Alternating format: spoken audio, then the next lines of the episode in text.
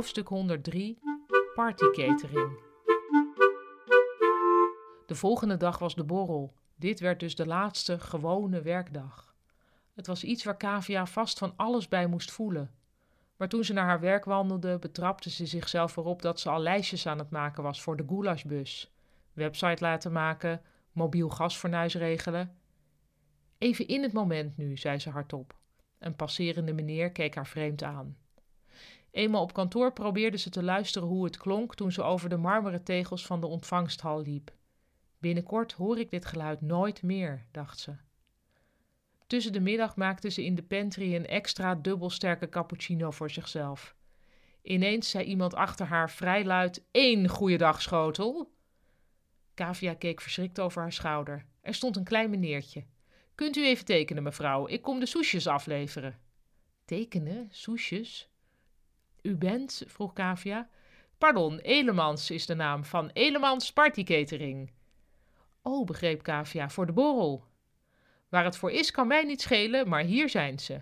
Hij pakte een schaal van de gang en zette deze op het aanrecht. Maar onze borrel is morgen pas, zei Kavia weifelend. Klopt het wel dat dit nu al... Daarom zit er lang houdbare room in, onderbrak meneer Elemans haar. Alle kerstborrels zijn op vrijdag en wij kunnen heel veel, maar de logistieke capaciteiten van de kerstman hebben wij nog niet onder de knie. Hij lachte.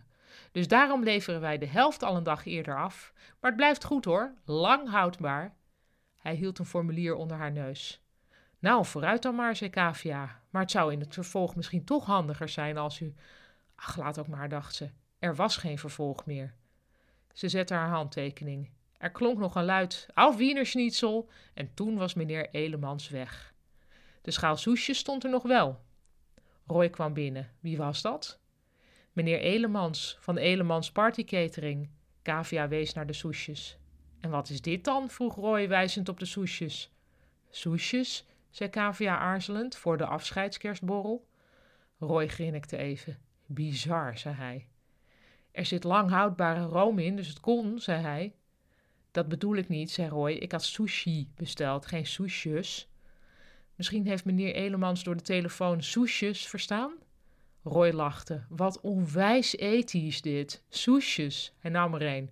Nou ja, ook wel weer hysterisch op een bepaalde manier. Kavia lachte ook.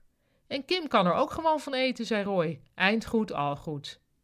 Kavia miste Roy nu al.